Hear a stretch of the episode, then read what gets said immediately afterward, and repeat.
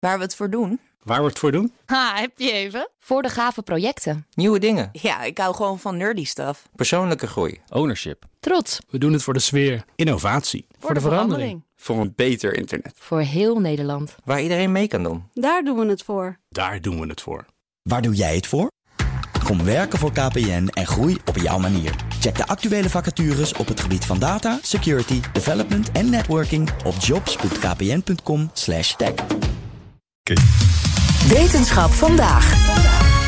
Dankzij gemeten zwaartekrachtsgolven weten we dat er een aantal extreem zware zwarte gaten in het melkwegstelsel zitten. Toch zijn ze niet te zien met een gewone telescoop. Hoe kan dat? Daar hebben astronomen nu een antwoord op. Wetenschapsredacteur Carlijn Meijers, vertel. Ja, in 2015 registreerde de zwaartekrachtsgolvendetector LIGO voor het eerst een zwaartekrachtsgolf. Deze was veroorzaakt door twee zwarte gaten die met hun gewicht van tientallen zonsmassa's op elkaar knalden en het heelal deden schudden op haar grondvesten. Een soort sprookje dit, ik zit er helemaal in. Ga door. Dit was het eerste bewijs voor het bestaan van dit soort enorm zware zwarte gaten. En dat kwam nogal als een verrassing, want met gewone telescopen waren ze helemaal niet te zien.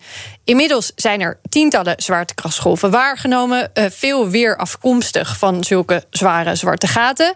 Maar zochten astronomen ernaar met een gewone telescoop, dan zagen ze wel lichtere zwarte gaten, maar niet deze hele zware. Ja, we, we, we, we horen en voelen ze wel, maar we zien ze niet. Ja, zo zou je het kunnen zeggen. Maar hoe kan dat nou?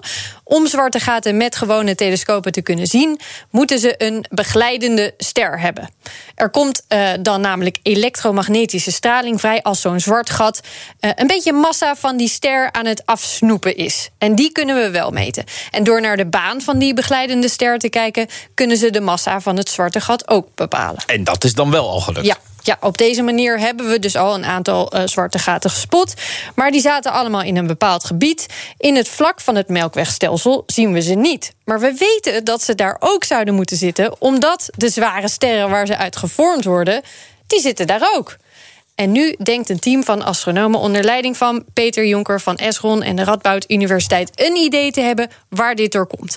We verplaatsen ons even naar het vlak van het melkwegstelsel en kijken daar met Jonker naar het ontstaan van zwarte gaten. We zien een dubbelster waarvan er eentje aan het einde van zijn leven is en die explodeert in een supernova. Die ster was aan het draaien, een dubbelster, op het moment dat hij explodeert er gas uitstoot, dan neemt dat gas een deel van dat impulsmoment mee, wat hij had op dat moment uh, toen hij explodeerde.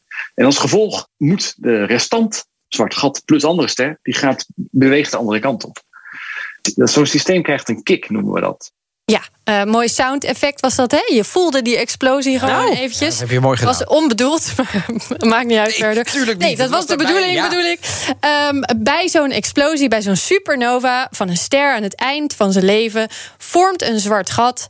Uh, en dat zwarte gat schiet met resterende ster door die explosie weg uit het vlak van het melkwegstelsel. En dit zijn ook meteen de lichtere zwarte gaten, want ze verliezen door die explosie ook massa.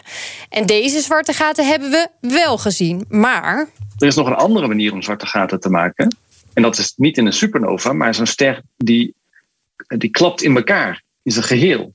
Dus dit noem je een, ja, een direct collapsed black hole. Dus een zwart gat wat uit een directe ineenstorting van die ster gevormd is. Maar dan krijgt hij niet zo'n kick. Dus die blijven op hun plek zitten. Bij een zwart gat dat ontstaat door een implosie, schiet dat zwarte gat dus niet weg, maar blijft het in het vlak van het melkwegstelsel zitten. En daar zijn ze vrijwel niet te zien. En waarom niet?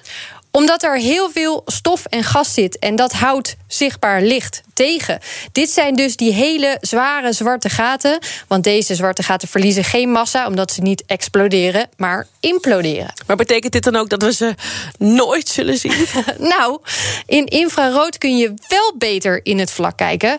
Maar dat is weer lastig met onze atmosfeer. Die zit het een beetje in de weg. Dus vanaf de aarde is dat lastig. Maar 18 december wordt de James Webb-telescoop gelanceerd. Die gaat in dat warmtestralingslicht kijken.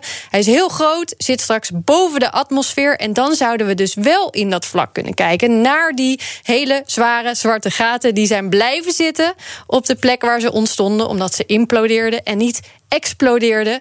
En het gaat nog wel even duren voor we dat echt kunnen gaan meten. Voor die telescoop op zijn plek zit.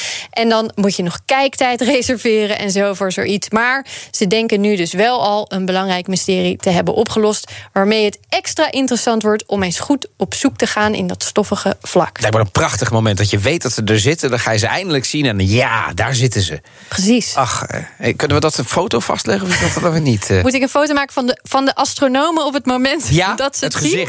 Oké, dan, dan moet ik daar even in huis gaan wonen, Gaan denk iets- ik. Maar dat Ja, maakt niet uit. ook Ja. weer- jij gaat Komt het- helemaal goed. Ik leg het vast. Dank Ook Thomas van Zeil vind je in de BNR-app. Je kunt live naar mij luisteren in Zaken doen. De BNR-app met breaking news. Het laatste zakelijke nieuws. En je vindt er alle BNR-podcasts. Bijvoorbeeld Het Nieuwe Geld. Download nu de gratis BNR-app en blijf scherp.